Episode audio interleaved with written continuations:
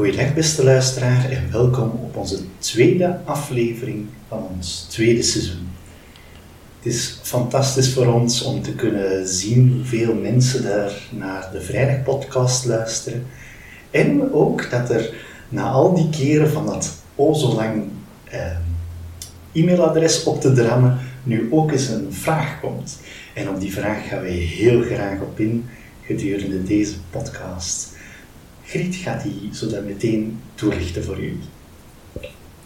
Dankjewel, Jeff, voor de voorzet. Ehm, de vraag die we kregen ging, erover, uh, ging over eigenlijk de terughouding van je oordeel. Zeg ik dat juist, collega's? Ja. En we vonden het ehm, mooi om hier naar te kijken, vertrekken vanuit een zin die we eigenlijk elke ochtend met de leerlingen samen zeggen in de, in de ochtendspreuk. En die zin luidt: Ik zie rond in de wereld. En uiteraard geef ik nu de bal weer door aan Herman. Herman, dat zien, wat wil dat eigenlijk zeggen? Ja. In elk geval bedankt aan de ouders om ons een voorzet te geven. Dat zien in de wereld, dat moeten we natuurlijk niet te letterlijk nemen. Uiteraard is zien een heel belangrijk zintuig. Maar uh, we proberen onze leerlingen toch op een veel bredere manier naar de wereld te doen kijken. En dat is niet alleen in het zien, maar dat is op, op vele vlakken zo. En uh, we hebben het geluk weer dat we vanuit de antroposofie, om dat toch even te mogen aanraken, uh, op weg zijn gezet om op een twaalfvoudige manier naar de wereld te kijken. En dat staat al vrij lijnrecht tegenover de klassieke zintuigenleer, waar dat gezegd wordt, we kunnen, we kunnen kijken, we kunnen horen, we kunnen smaken, we kunnen iets ruiken en we kunnen voelen. voelen of tasten. Hè? Dat zijn zo de, de vijf uh, bekende zintuigen, zoals wij als kind toch hebben geleerd in de school. En dat is heel begrijpelijk dat dat om die vijf zintuigen gaat, want dat zijn vijf heel uh, fysieke zintuigen, tastbare zintuigen, waarvan we één voor één zeggen, ik zou ze niet willen missen. Want dan, uh, soms zeggen kinderen wel, stel dat je blind moet worden of doof, wat zou jij kiezen? Hè? Dat is al een uh, verschrikkelijke keuze. Hè? Maar hè, die, die vijf zintuigen, die zijn zo ingeburgerd. Maar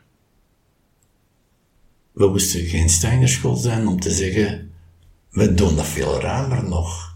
Er zijn er, we doen dat met twaalf zintuigen. En als we de wereld willen leren kennen, dan moeten we ons oefenen op dat heel brede gebied. En dat staat eigenlijk, of dat, dat brengen we onder de leerlingen, omdat we de nood voelen om datgene wat in deze tijd zo veelvuldig gebeurt, namelijk we oordelen zo snel over alles, dat we tegen de leerlingen zeggen, voordat je oordeelt, moet je met je, al je zintuigen datgene waar dat je over oordeelt hebt leren kennen. En wanneer je heel dat proces gegaan hebt, dan ben je een paar jaar verder. En dan is misschien het moment dat je een klein beetje kunt aanvoelen wat je moogt en kunt zeggen over dat bepaald fenomeen. En we zeggen dat niet letterlijk, hè, Herman? Nee, nee. We, verwerken nee. dat in onze leerstof, hè? Dat, nooit wordt dat uitgesproken, maar dat is wel wat we intern, als we met leraren onder elkaar zijn, daar studeren we op, daar, daar oefenen we op, om op, op zo'n brede manier de wereld in te kijken. En het woord fenomeen is al gevallen. Eigenlijk noemen we dat fenomenologie. Het is een manier van kijken die een beetje uh, een verruiming is van de enge manier van kijken die we gewoon zijn, namelijk uh, je, je somt de feiten op, je zoekt ook welke theorieën dat er rond bestaan, en als we die theorieën kennen en toepassen, dan, dan kunnen we ermee overweg.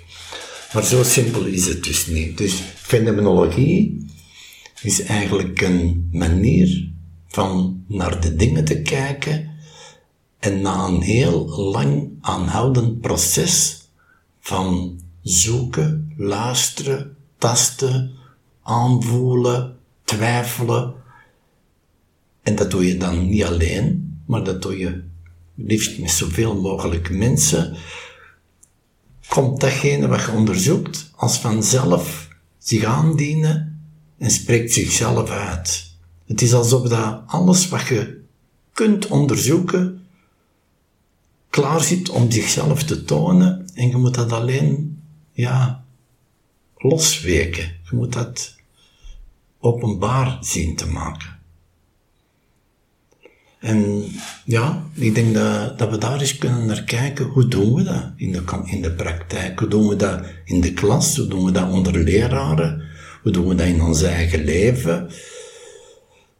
Hoe, ja, uh, hoe begint je eraan? En wat zijn die, die zintuigen dan die, die je allemaal kunt inzetten? Misschien moeten we daar eerst naar kijken.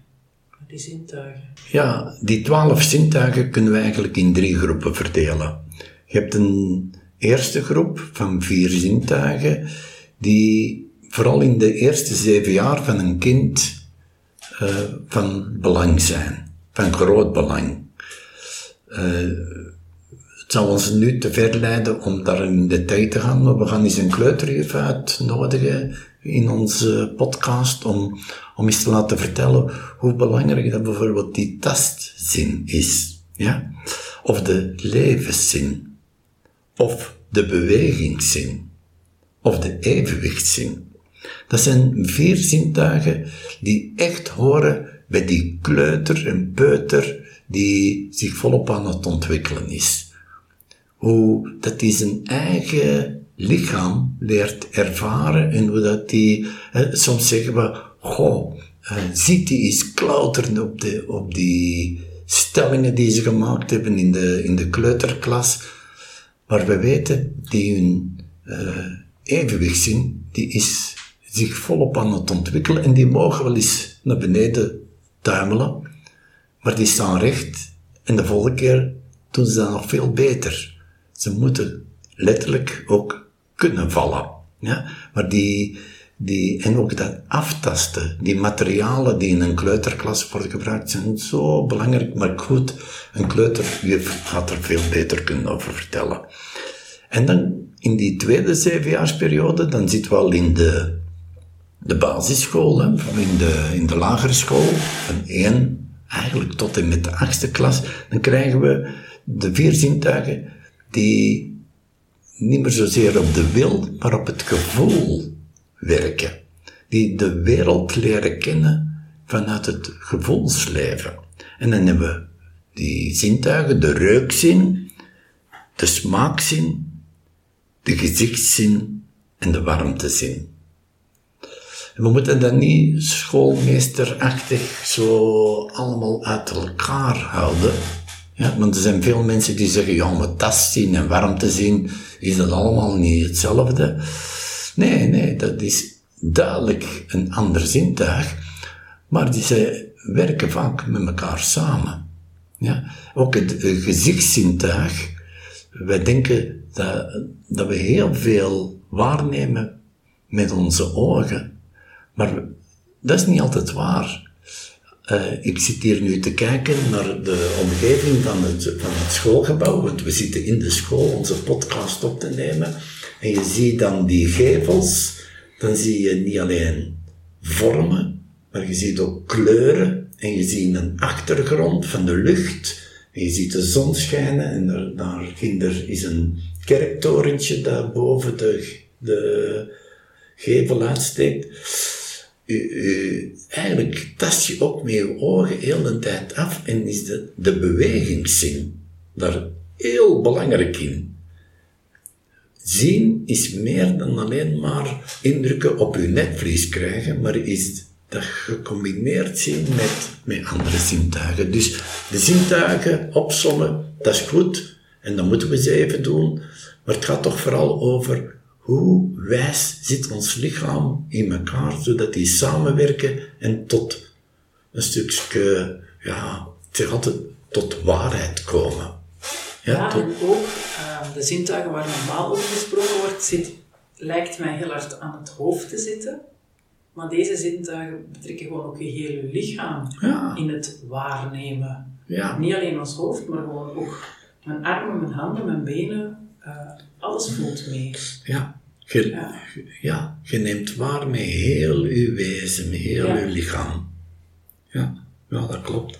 En dan hebben we die vier we noemen dat hoogste zintuigen, maar dat is dan vooral omdat die ook het laatst op de voorgrond treden, vanaf de leeftijd van 14 tot, tot, laat, tot zolang dat je maar wil. En dat zijn de gehoorzin, de spraakzin, de gedachtenzin en de ikzin. Je ziet dat dat zijn al zintuigen die in de klassieke wetenschap helemaal niet uh, ter sprake komen, maar die toch, om de wereld te leren kennen, is bijvoorbeeld die ik-zin van groot belang. Want in de ik-zin, dat is niet dat je je x leert kennen. Dat, dat, dat, is geen zintuig, dat is een, een, ken, een kennis, uh, ja, of kenniswerktuig. U, in het leven leert je jezelf door de ervaringen en de misstappen en de overwinningen leert je zelf beter kennen. Dan, dan leert je je eigen ik kennen. Maar dit zintuig, een zintuig, is te kijken naar de buitenwereld. En wie is er in uw buitenwereld? Andere mensen. Dus het is ook van groot belang dat je leert de anderen te leren kennen. En dat, dat is dat zintuig. En dat, dat is vanaf de bovenbouw een ontzettend belangrijk zintuig. Wilt jij de wereld leren kennen, dan moet jij die mensen die daarin leven leren waarnemen. En daar hebben wij een werktuig voor gekregen.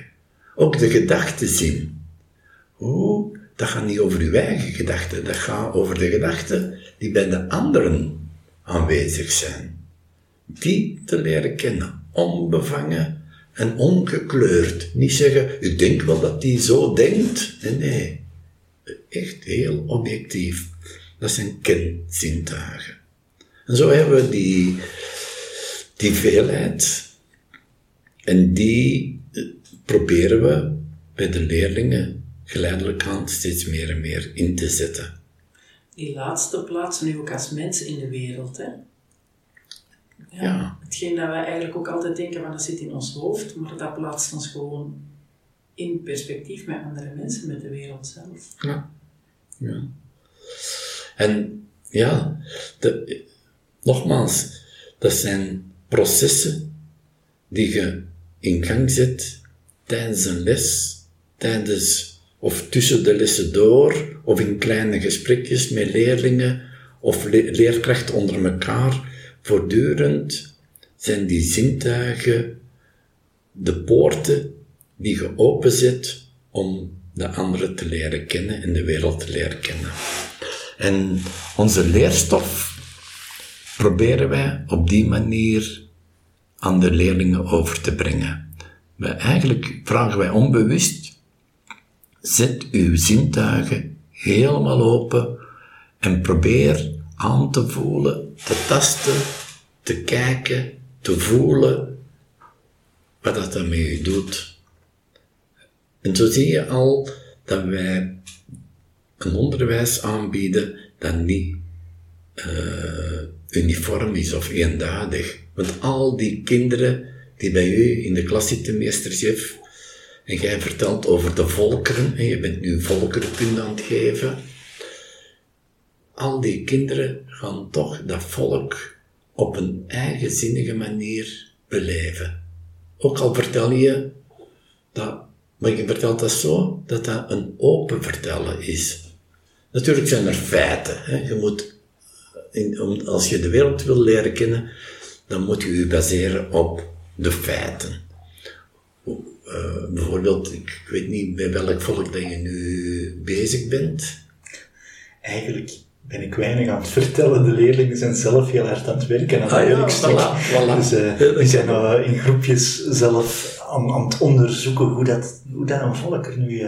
Ja. Hoe dat die leeft en hoe dat de wereld ook een manier van leven beïnvloedt. Voilà, ja. Ah. want bij het ene volk komt de zon elke dag om zes uur op aan de evenaar. En elke keer om zes uur s'avonds gaat de zon, valt die, op een paar minuten tijd is het pikken donker. En dan heb je de, streken in het hoge noorden, waar dat het bijna maandenlang donker kan zijn, maar ook weer maandenlang aaneensluitend licht. Hoe anders leef je dan? Dan, dan heel uw cultuur en uw manier van leven is daarmee verbonden. Ja, dus dat, dat zijn dingen die, toch die onwaarschijnlijk belangrijk zijn om de wereld te kunnen vatten. Ja? En dus dat, dat vertellende en dat aanreikende en dat leren kennen gebeurt toch weer ook tegelijkertijd heel individueel. Sommige dingen pakken de, het ene kind heel diep van binnen en weer andere hebben dan meer oog en oor voor, voor een ander facet van het leven. Hoe dat ze met de doden omgaan, of hoe dat ze feest vieren en verder. Maar het lijkt, uh, we, we, proberen dat allemaal heel goed te laten ontwikkelen. En dan zou je denken, ja, dan wordt het iets heel persoonlijk en iets heel subjectief om waar te nemen, maar dat proberen we net niet te doen hierdoor. Hè? We proberen die zintuigen toch zo te ontwikkelen dat we eigenlijk heel in, in een geheel en neutraal naar de dingen laten kijken. Dat de dingen voor zich ja. kunnen spreken. Ja, ja, daar zit ook, uh, denk ik, dat stuk het oefenen van je zintuigen in. Hè? Uh, als je zegt over kijken en, en proeven, dat, dat lijkt zo alsof dat, uh, of iedereen dat kan, maar dat is niet. uh, ah ja, is niet, is misschien een beetje kort door de bocht. Hè. Ik, uh, ik heb het geluk om een paar wetenschapsvakken te mogen geven in klas 7 en 8. En eigenlijk in klas 7, als ik daar aan denk en ik spreek daarover, dan zeggen sommige mensen, ah, chemie al in klas 7. Hè? Zo het eerste middelbaar, zeker voor mensen die niet vertrouwd zijn met de Steinerschool. Wat doen jullie dan? En dan als ik aan het vertellen ben, uh, kan er dan niet anders dan heel enthousiast over zijn. Maar dat is zo'n andere manier, uh, want het gaat daar vooral over de, de omvormingskracht van vuur. Vuur dat in staat is van een stof een totaal andere stof te maken. En wat moet je dan doen, uh, of wat moeten die leerlingen dan doen in zo'n lessen? Eigenlijk heel leuk. Vurige stook. Die moeten op de speelplaats dingen in brand steken en dan hun waarneming oefenen. En dat is ontzettend boeiend, want die, naast het, feit, stuk dat het heel leuk is om dingen in brand te steken, maar zitten die met een aantal heel geconcentreerd, als het goed gaat, naar dat object te kijken. Wat kunnen wij hier nu zien? Wat, wat, wat zien we, wat ruiken we, wat horen we, wat, welke ervaringen hebben we daarbij? En dan blijkt dat het goed kunnen waarnemen helemaal niet zo gemakkelijk is. Want uh, je hebt er dan zeggen, ja, gaat in brand, brand op. En dan zeg je, ja, maar iemand anders zegt, ja, als ik dan naar die vlam kijk, bijvoorbeeld bij een stukje bedrukt papier van een tijdschrift, dan zie ik daar meer kleuren in. Uh, zo wat groen, wat blauw. Uh, en die rook is toch iets anders. En dan merk je van, ja, maar Sommigen zien dus veel meer dan anderen, terwijl dat die eigenlijk hetzelfde aan verbranden zijn. dan krijg je als ook helemaal niet gezien. Dan kun je iemand uitnodigen om nog eens opnieuw te gaan kijken. En um, als dat goed gaat, dan merk je ook wel dat die um, ja, ook wel wat ruimer leren van kijken. Dat is echt een, een, een oefening. En um, dat is ook een oefening dat, dat tijd vraagt. Hè? Ja, zintuigen moeten openkomen. Het is niet dat je geboren wordt met open zintuigen. Zintuigen moeten zich ontwikkelen.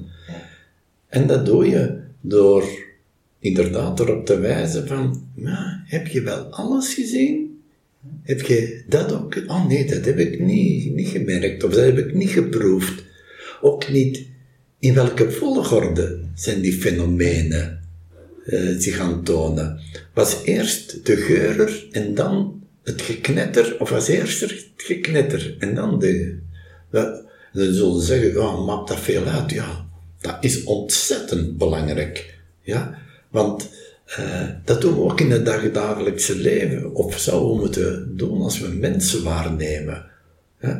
Wat is de oorzaak dat we soms tot een oordeel komen? Omdat we niet alles gezien hebben. En, dus we zijn hier eigenlijk bezig met, met kinderen uh, klaar te maken om onbevangen hun zintuigen te gebruiken in het aanschouwen van de wereld. En dat oordeel, dat komt eigenlijk maar pas helemaal op het einde. En dat is iets dat je niet bedenkt, dat oordeel, maar dat is iets dat ontstaat. En vooral heel fijn als je dat met een klas doet en de andere, als iemand dan de moed en, de, en het vermogen heeft om tot een oordeel te komen over iets dat je al lang aan het onderzoeken bent. En dan zeggen de anderen, wauw, ja, dat is het. Dat, je, kunt het niet beter gezegd hebben. Ik, dat is het. Of dan zegt iemand, ja, maar ik wil er toch nog iets aan toevoegen. En dan beginnen zo de heel fijne dingetjes erbij te komen. Hè? Over dat het vuur. Wat een magische periode is dat. Ja, ik vind dat zo mooi dat je dat zegt. Als ik daar nu zo aan denk, Herman, dan heeft dat voor mij ook zoiets, zo, uh, die waarneming, dat dat ook een stukje puzzelstukken verzamelen is. Ja. Uh, weer een stuk, als, als je gaat kijken, wat zit daar onder andere ook in, als je naar die verbranding gaat kijken, een stuk natuurlijke producten en een stuk chemische producten. Synthetisch. Oh ja, synthetisch. Hè? En dan, uh, dat kinderen op een gegeven moment zelf zeggen, ja maar dat verbrandt zo anders. Hè? En, en, dat hoeft dan niet altijd zelfs een vraag te zijn, maar die zelf mee afkomen. Synthetische producten eh, verbranden anders dan natuurlijke producten. Denk, ja, als, je, als die kinderen zelf daarmee afkomen, dat, dat, zijn al die puzzelstukjes verzameld door de verschillende zintuigen die... Hop. Ja, en mooi dat dingen die uit de natuur verbranden, zoals dennennaalden of bladeren, dat die over het algemeen een aangename geur hebben.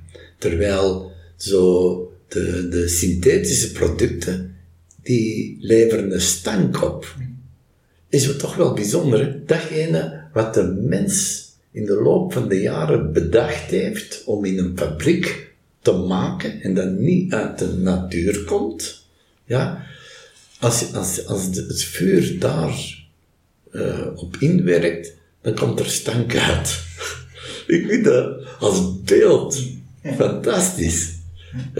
En uh, ja, er was eens een kind bij mij in de zevende klas en die vatte dat heel mooi samen.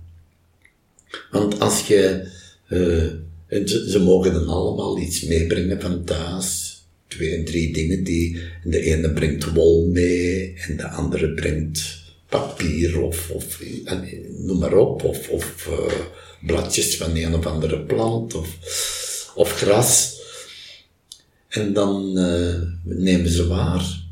En er was een kind die helemaal op het einde zei, meester, dat is alsof dat iets dat in het vuur wordt gelegd, nog voor de, eerste, voor de laatste keer zichzelf mag zijn en zegt van, ik was zo en ik verbrand op een andere manier dan de andere. De ene met meer rook, de andere met uh, een lichte gloed, de andere met heel veel assen. Maar iedereen, er zijn geen twee stoffen in de wereld die identiek hetzelfde verbranden.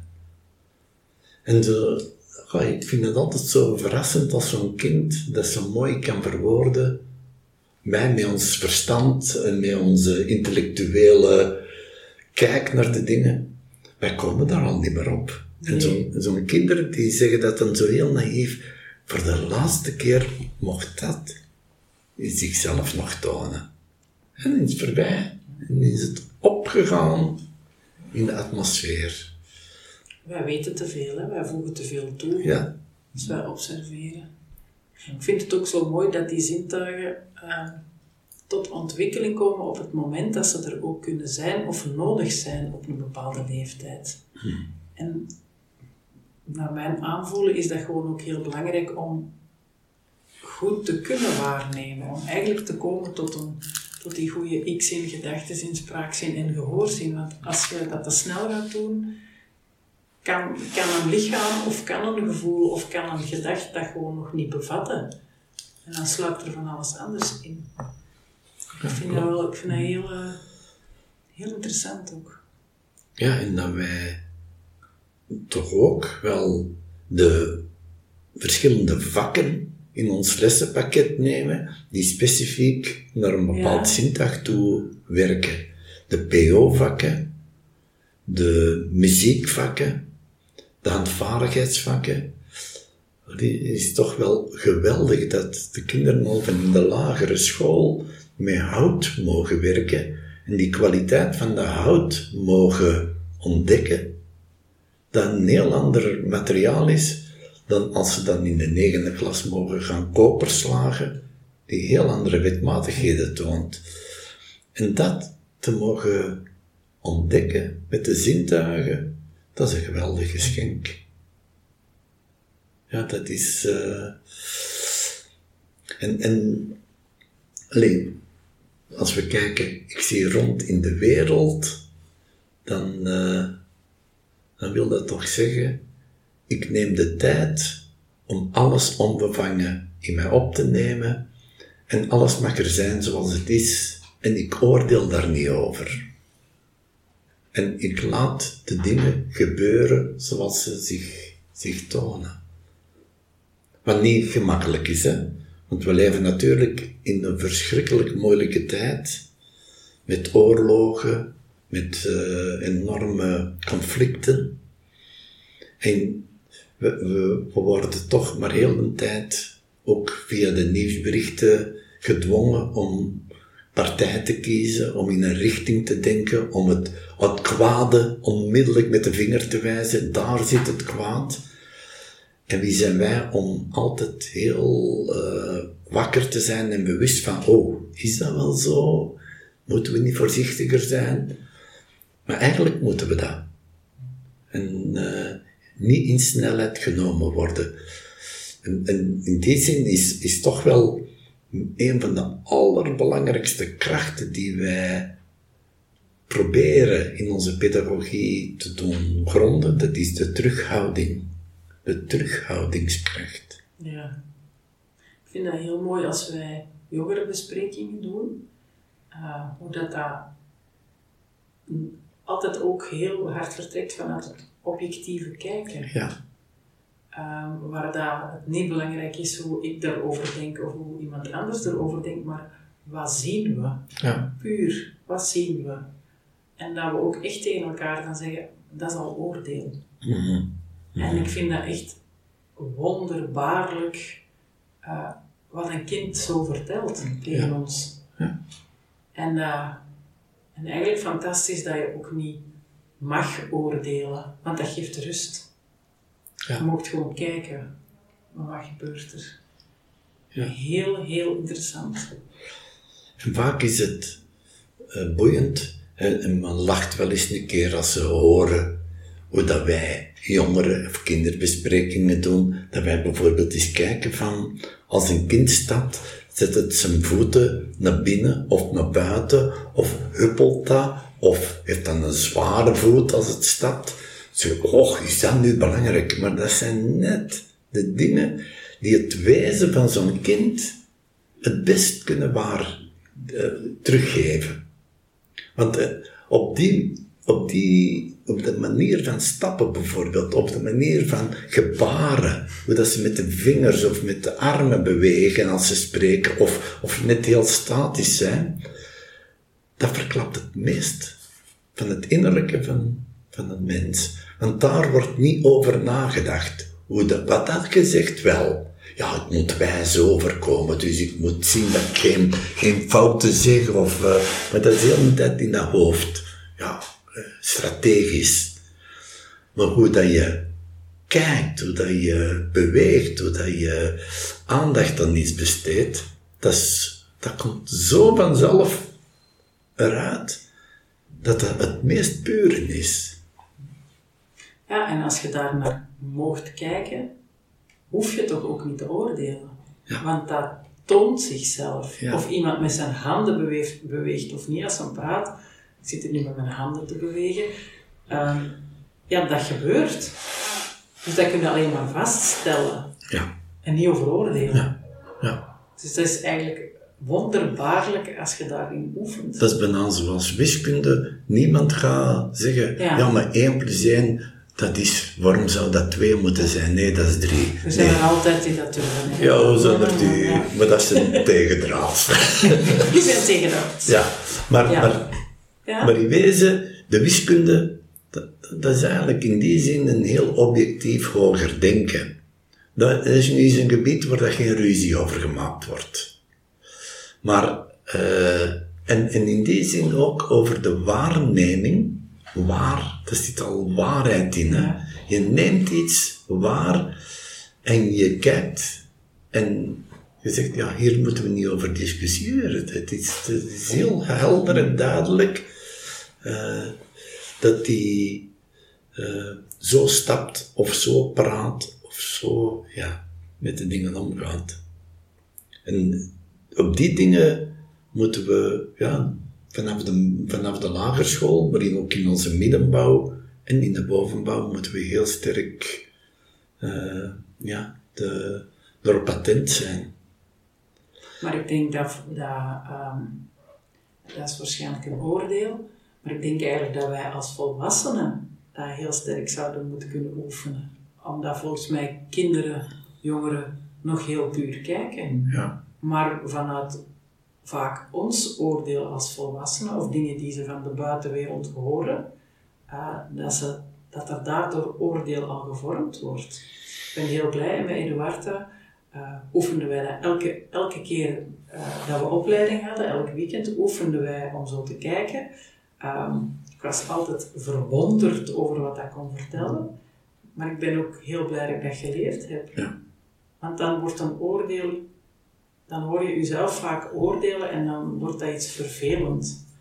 Hm. Omdat je dan echt voelt, oei, ik ben aan het oordelen, ik ben niet aan het kijken naar de dingen. Ja, en wij, wij zijn natuurlijk ook als volwassenen opgegroeid, meestal in een klassieke manier van denken. Zeker in de wetenschappen. Jij niet, hè, chef? Jij hebt het geluk van, van in de, in de Steinerschool uw, uw loopbaan te hebben mogen doorlopen, maar uh, ik weet wel, toen ik, en ik ben achteraf er tevreden van dat hij mij niet kon bekoren, en dat, waardoor dat ik achteraf het gemakkelijker had om, om op die fenomenologische manier naar de dingen te kijken. Maar ik weet nog heel goed die eerste lessen die ik in de middelbaar kreeg over elektriciteit.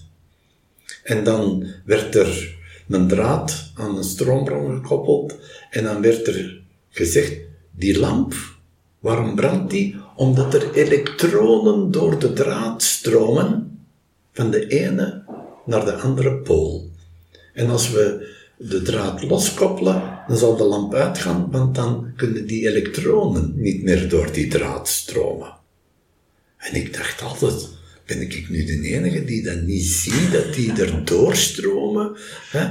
Maar dat was zo, dat werd zo geponeerd, dat niemand er dieren van twijfelde dat dat de oorzaak was.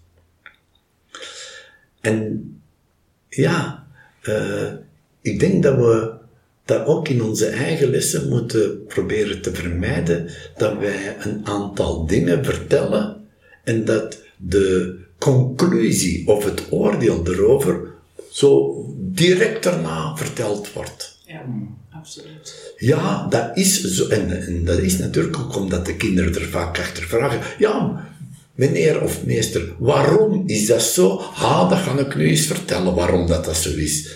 En eigenlijk mogen we dat niet doen. Eigenlijk willen we daar eigenlijk mee zeggen, je moogt uit een beperkt aantal dingen een algemene conclusie trekken. En zo mocht je dat later in het leven ook. Als jij een, man op een bank in het park ziet zitten en die is slecht gezind, dan mocht jij zeggen, dat is een ambetante mens die het zuur door het leven gaat. Ja, maar ik heb het gezien. Zie eens. Die zit in op een bank in het park, de zon schijnt, die heeft alle redenen om gelukkig te zijn en die zit daar zo boos vooruit te kijken. Nou, dat moet een...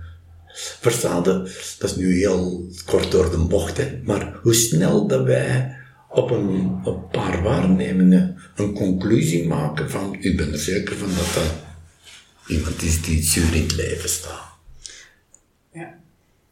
Terwijl dat we niet weten wat er misschien een uur ervoor gebeurd is en dat die man zit te treuren om iets. Dus in die zin, eh, eigenlijk mogen ze in de bovenbouw op geen enkel moment al oordelen over iets. Ja, dat is fijn. Met Nederlands eh, zien wij in de negende klas uh, vertelperspectieven. Ja, dat is heerlijk, hè? Omdat je dan echt één verhaal kan tonen vanuit vijf verschillende ogen bekeken, of meer, en waar, dat je, waar, dat, waar dat ze verrast zijn van, ah, zo. En de volgende mens dat er naar kijkt, ah, maar zo. Dus dat dat, dat geweldig is, dat ze ook zien hoe verschillend je naar de dingen kan kijken, of hoe verschillend je de dingen kan aanvoelen. En ook in de twaalfde klas, met theaterspel, als ze dat zelf moeten invullen, hoe voel ik dat? Of hoe voelt iemand anders dat? En hoe verschillend is dat eigenlijk ook? En dat daar dan, dat, dat is voor iedereen zo persoonlijk. Dus er zit gewoon geen oordeel achter. En ik denk dat dat een van de basisprincipes is van de fenomenologie tegenover de klassieke manier. In de klassieke wetenschap, ik ben een wetenschapper, dus ik ben zo opgevoed in de opleiding, is uw gevoel moet totaal verbannen worden, want met het gevoel, het gevoel is zo subjectief dat je er nooit bij de waarheid kunt komen. Dus zorg ervoor dat je je gevoel uitschakelt op het moment dat je iets aan het leren kennen bent. En wij binnen onze school zeggen, zet uw gevoel helemaal open en zorg dat uw gevoel erbij betrokken is. Want hoe kun je iets uit de natuur of iets uit uw omgeving leren kennen, terwijl dat je daar niet volledig bij betrokken bent? Uw gevoel moet aanwezig zijn. Ja. En nu denken. En nu denken. En nu handelen. Voilà. Ja. Maar het, we moeten natuurlijk opletten dat het gevoel niet te eigen Ja. gekleurd is. Ja? Daarvoor, hè, dat is dan een van weer de uitdagingen. Hoe kun je je gevoel objectief maken? Maar dat het een gevoel moet blijven en dat dat van groot belang is om iets te doorgronden, daar zijn we wel van overtuigd. Ja, want als we naar die, eh Eduard naar de kunstwerken keken, of naar de tekeningen, ik noem het kunstwerken, waarom ook kunstwerken, dan moesten we ook echt heel objectief, vanuit het denken, Ja. dan vanuit de beweging, dus vanuit de, wil eigenlijk, en dan vanuit het gevoel. En dan bedachten we, door die, die drie samen ontstond er gewoon eigenlijk een titel voor dat werk. Ja. Waarvan, en dat was objectief, want de, de persoon die het werk gemaakt had, had geen inbreng, alleen de andere. En dan was het altijd heel wonderbaarlijk wat wij zagen als titel, dat die persoon zei, ja, dat, dat zit daar ook echt in. Ja. Zo bijzonder. Ja. Terwijl dat, dat door de betrokkenen niet zo bewust geschilderd of... Nee, Nee, hè, nee. Maar, maar het komt naar boven. Ja, en dat spreekt voor zich. Ik vind dat, ja, ik vind dat echt wonderbaarlijk. Ja. En dat is in de wetenschappen ook. Hè. Als je dat langdurig, als je iets langdurig bestudeert, zoals elektriciteit Of licht. Licht is ook iets heel bijzonders. Hè? Wat, wat is licht eigenlijk? Ja? En, en dan eens kijken van, hé, licht heeft twee betekenissen. Licht is het tegenovergestelde van duisternis, maar licht is ook het tegenovergestelde van zwaarte. Hebben die dan die twee woorden iets met elkaar te maken? En zo, en dat heel breed beginnen uitzoeken. En wat ook heel, allee, ik ben gelukkig wetenschapper in die zin, de, in, in onze school, dat je ook wanneer je echt iets probeert te doorgronden en op zoek gaat naar iets, dat je dat ook mocht uitdagen.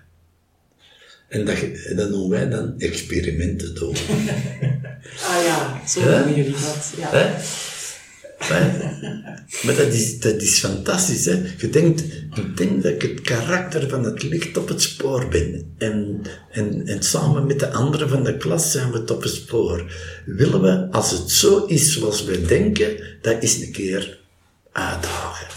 En we gaan er een schermje tussen zetten, of we gaan er dit of dat doen, en zien hoe dat, dat gaat reageren op onze hindernis die we, die we plaatsen. En als we het bij het rechte eind hebben, ah, dan zijn we gelukkig. Ah. Maar ineens kan het ook zijn dat een experiment het ineens duidelijk maakt, hé, hey, maar zo zit ik niet in elkaar. Het is toch nog iets anders. Je zult nog verder moeten zoeken. Dus experimenten, die, die zetten je op het, op het spoor. En is dat het moment, Herman, dat de school denkt, ah, meneer Meijvis is weer experiment Ja, ja, zet, zet, maar de, de dingen af, de... Brandalarm. De, het brandalarm. Dat was vorig jaar, hè? Ja. Meester, meester, het brandalarm gaat. Nee, nee, nee, meneer Meijvis is inderdaad. ja. Hij is, een, uh, hij is de krachten aan het uitdagen. Ja. Maar daar zit toch ook heel vaak in, dat, dat stuk wat je daarnet zei, van um, probeer dat zo ruim mogelijk te gaan bekijken. Um, in het ding bijvoorbeeld, hè, waar je zei van licht van tegenovergestelde van duister, maar ook tegenovergestelde van zwaar. Zo zit er toch ook heel veel in het in je les op de manier hoe dat je zaken gaat benoemen. Hè? Ik, vind ik, ik was net aan het denken, als we zo met, met, uh, binnen de wetenschappen, chemie, naar, uh, naar klas 8 kijken, dan gaan we naar, naar de biochemie, de voedingsstoffen, proberen te karakteriseren. Dat is ook weer zo'n woord waarin dat je uh, eigenlijk ook al zeker dat proces gaat zetten. Hm. En al zeker niet gaan vragen van, wat, wat is nu suiker? Ja. Want het zijn eigenlijk maar die kleine nuances soms waar je van kinderen gaat verwachten, of van jongeren gaat verwachten. Hè. Karakteriseer het. Er heeft nog ruimte, want er is ook nog heel wat zaken die we niet hebben kunnen testen. Dus ja, een, een karakter is iets dat kan veranderen, dat nog in, in verandering is en dat zich ontwikkelt. Terwijl als je iets definieert, een definitie moet zo af zijn en zo eensluitend. Ja, daarom zeggen ze, leer die definitie maar van buiten, want dan mag er niks van afwijken, want anders hebben we het niet begrepen. Ja, maar dus iets definiëren is iets tot stilstand brengen. Dan gaan we niet meer verder zoeken. Iets karakteriseren betekent, je komt dichter en dichter bij de, bij de eigenheid. En, en, en, hè. Maar misschien binnen een jaar weten we nog meer en gaan we nog anders karakter, nog meer verfijnd karakteriseren. Dus het is, dat is een proces. Ja. ja, dat zit dan ook weer dat leuke in van, uh, wat je ook al aanhaalde, van het, het is niet af. Het is, mag niet af En, en, daar zit dan ook weer het ding, uh, dat je een zekere onrust bij leerlingen laat, van, doe, er nog iets mee. Ja. Ja, want ik durf, dan moet je natuurlijk al, al wel wat jaren lesgeven om dat te weten, maar uh, dat we op, in een bepaald jaar, ik kom nu terug op die elektriciteit, hè. Niet toevallig wordt de elektriciteit in de negende klas behandeld, op het moment dat ze heel strategisch, logisch, kausaal moeten kunnen denken. En dan doen wij experimenten En eh, oh, ze hebben het allemaal door en ze weten waarom. En dan doe ik een experiment waarbij plots alles, alle zekerheden onder hun voeten wordt weggehaald. En zeg hoe kan dat nu? Wat is hier gebeurd? Ah, ik zal het nog eens doen. Oeh, meneer, hoe kan dat nu? Eh, dat klopt helemaal nu niet meer, onze theorie. Ik zeg, ah ja, misschien ben je wel te snel geweest in je karakteriseren. Ja, vertel eens, hoe komt dat? Ik zeg, nee, dat vertel ik niet. Binnen twee jaar, hè, dan gaan we die proef nog eens doen. En dan gaat er een lichtje branden. Nu nog niet. En dan, weet je, dat is iets dat je dan meegeeft met de kinderen, alleen jongeren, het zijn al grote lubbelen, die uh, twee jaar lang met iets liggen te sudderen. Dus niet dat die er dagelijks aan denken, zeker niet, misschien zelfs niet maandelijks, maar af en toe komt dat van, verdorie, we zitten daar nog met een vraagteken, ik wil dat weten. En twee jaar later, ineens, worden ze verlost van die te vroeg oordelen, te vroeg gezegd hebben, ik weet waarom dat, dat zo was. En, en ineens klopt dat dan niet meer. En dan worden ze wakker aan iets nieuws. Dus dat is iets dat wij onder elkaar ook zeggen. Uh, de beste lessen zijn die die eindigen met heel veel vragen. Want dan gaan ze vragend verder naar huis en blijft dan nasudderen, nazinderen. Ja, en, en uh, ook chef, wat jij daarnet zei, van het is ook de manier van lesgeven en eigenlijk ook de woorden die je gebruikt. Maar het is voor leerlingen ook zo belangrijk om woorden te hebben. Als je woorden tekort hebt om dingen te karakteriseren, dan, dan kan je dat ook niet. Ja.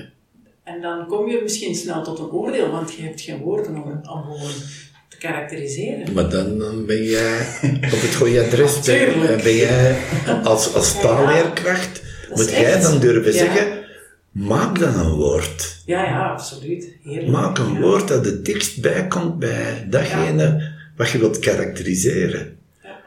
En iedereen verstaat dat woord, alhoewel dat niet in de woordenboek staat. Ja. ja. ja. En ook, um, wat je zegt, ik moet dan aan het eindwerk van de twaalfde klas denken. Waar ze eerst eigenlijk een jaar lang in de elfde klas de kans krijgen om dat onderwerp ondersteboven, achterstevoor gewoon te gaan bekijken. Wat vind ik daar allemaal over? Wat, wat kan ik er allemaal over onderzoeken? Wat vertelt mij dat? En dan uh, uiteindelijk, hoe, hoe, voel ik mij daarbij en wat kan ik toevoegen? Hmm. Maar dat is ook dat stadium van die zintuigen dat je dan eigenlijk doorloopt. Ja, dan kan je je natuurlijk de vraag stellen, mag je, mag je dan nooit oordelen? Of ja. kan een oordeel gerechtvaardigd zijn. Ja. ja. Ja, dat is een heel moeilijk, uh, moeilijke vraag. Hè? Dat is al uh, pure filosofie. Ja, ja, misschien wel, filosofisch. Nee, ik zal beginnen met te zeggen, en dat is toch onze, zeker voor mij, ik zal voor mezelf spreken, mijn grote leermeester is Rudolf Steiner. Ik heb daar enorm, die heeft mijn ogen geopend, die heeft nooit bepalend geweest in de, van zo moet je denken, maar die heeft mij wel gestimuleerd om de dingen al denkend te proberen te doorgronden. En een van de dingen die hij zei was, uh, dat in 96% van de gevallen het oordeel niet nodig was geweest overbodig is. En alleen nog maar die oefening is doen van uh, s'avonds, als je de dag overschouwt, is te zien waar heb ik een oordeel geveld en had dat zonder dat vellen van dat oordeel, had het leven dan ook ja. simpel geweest en goed geweest. En dan merk je, ja, eigenlijk was het niet nodig. Dat is misschien wat overdreven gesteld. Steiner kon wel eens een keer de dingen heel uh, overdreven zeggen. Maar dat doet wel nadenken. Dat in, in de meeste gevallen dat oordeel gewoon ja, niet hoefde.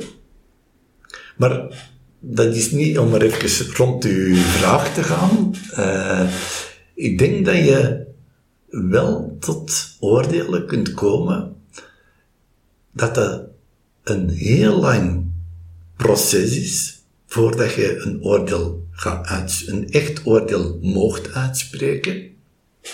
Dat je er soms jaren over doet.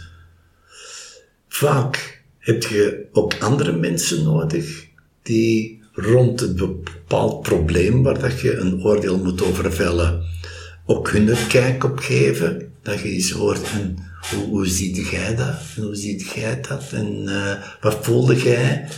En dat je dat maar laat aandikken en aandikken. En dat je het gevoel hebt, dat je kunt dat terughouding noemen, je kunt dat ook uitstelgedrag noemen, van, ik ben niet klaar om een oordeel te geven erover.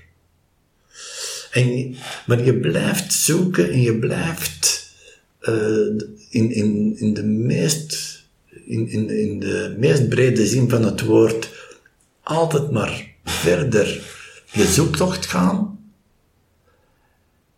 En dan op een bepaald moment, zonder dat dat zich aankondigt, ineens krijg jij een inval, krijg jij iets ingeworpen bij jezelf dat je zegt, ha, dat is het waar ik naar op zoek was.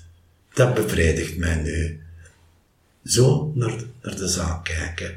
Dus met andere woorden, een oordeel gebeurt via het gevoel, via het handelen, maar ook via het hmm. denken, maar niet het klassieke denken, zoals we dat kennen van bijvoorbeeld iets met de gefronste wenkbrauwen onderzoeken en, en uh, macht. Nee, nee. Het denken is dan een, ik, ik noem dat dan misschien een een aanschouwend denken of een aanvoelend denken, dat heel de tijd zegt van, ik wil, de, ik wil deze kwestie, ik wil die kunnen samenvatten, ik wil die kunnen grijpen, ik wil die kunnen begrijpen. En, en, en op een bepaald moment spreekt het fenomeen dat je onderzoekt, of de vraag, of de ineens zegt hij zelf zijn, zijn wezen, spreekt hij zijn wezen uit. Ja, ik denk dat dat het, het absolute kunnen objectiveren is van dat wezen. Ja. Vaak, want een oordeel heeft vaak nog iets negatiefs, maar dat voelt ook dikwijls zo. En als je oordeelt, zit er altijd nog iets op van jezelf, van gevoel, van onbegrip, van niet begrijpen, van maakt dat je oordeelt. En heel vaak op een gegeven moment is er een, krijg je een heel objectief zicht op iets, wat maakt dat je wat je dan uitspreekt niet meer voelt als een oordeel. Ja. En dan is dat, is dat ook niks negatief, maar dan is dat, ah, ja, nu kan ik dat zo zien. Ja. En dan zit er geen gevoel of geen, dan zit er niks meer op. Ja. Want nog interessant, maar uh, is een oordeel hetzelfde als een standpunt? Hmm. Ja. Want oordeel heeft toch altijd iets draagt toch iets negatiefs in zich. Mm Maar het standpunt ja. is ook eigenlijk een, een plaatsnemen ja. tegenover anderen. Ja. Terwijl de waarheid ja. is niet iets waar dan moet tegenovergestaan worden. Het is iets dat samen moet omarmd worden. Dus het is het herkennen van het ware als zo groot mogelijke groep, zonder dat er winnaars of verliezers zijn, maar dat we allemaal winnaars zijn. We hebben elkaar geholpen om te komen tot dat punt waar we zeggen, hey, hier, hier, hier vinden we elkaar. En misschien binnen een jaar, als we als groep samenkomen, dat we het wel moeten verfijnen. Dat we weer dingen hebben ervaren die ons toch nog een stuk... Want dan, die, dat waarheidsmidden dat we zo oefenen in een twaalfde klas, dat is een bewegelijk midden. Dat, dat, dat moet mee evolueren met de ervaring, met de tijdsgeest, met, met de dingen die, die nu een keer ons overkomen. Maar ik ben ervan overtuigd dat we, ik denk dat vaak ongeduldigheid is, dat we niet de tijd Ja. nemen om te wachten totdat de dingen zich uitspreken. En ook de druk van buitenaf. Ja, je moet, je moet wel even zeggen wat je wilt of wat je denkt. En eh, we worden ook wel vaak gedwongen tot een oordeel. En om elke keer te zeggen, ik weet het niet. Want persoonlijk vind ik mensen die twijfelen enorm krachtige mensen. En geen zwakke mensen. Durven twijfelen. Ja, absoluut. We zitten eigenlijk vaak tegengesteld aan wat het doorsnee mens vindt. Ah, dat is een twijfelaar, daar daar heb je vis nog vlees aan. Ja, maar het is wel iemand die durft zeggen, ik weet het nog niet. Ja, in de twijfel ligt de zoektocht, hè. Amai. Absoluut. Ik denk dat we eigenlijk nog heel lang kunnen doorgaan, zo, eh, maar we gaan het afronden. Ehm, en we gaan, we gaan dit nog even laten, laten broeien in onze hoofden. Ehm, mochten jullie vragen hebben, mochten jullie graag hebben dat we hier nog op verder gaan, mogen jullie dat uiteraard altijd laten weten aan ons. Ehm Jeff gaat natuurlijk heel vlot het nieuwe e-mailadres nog eens zeggen. Dat is vrijdagpodcast.msvturnout.be Oké, beste luisteraar, dankjewel. Ehm en tot de volgende.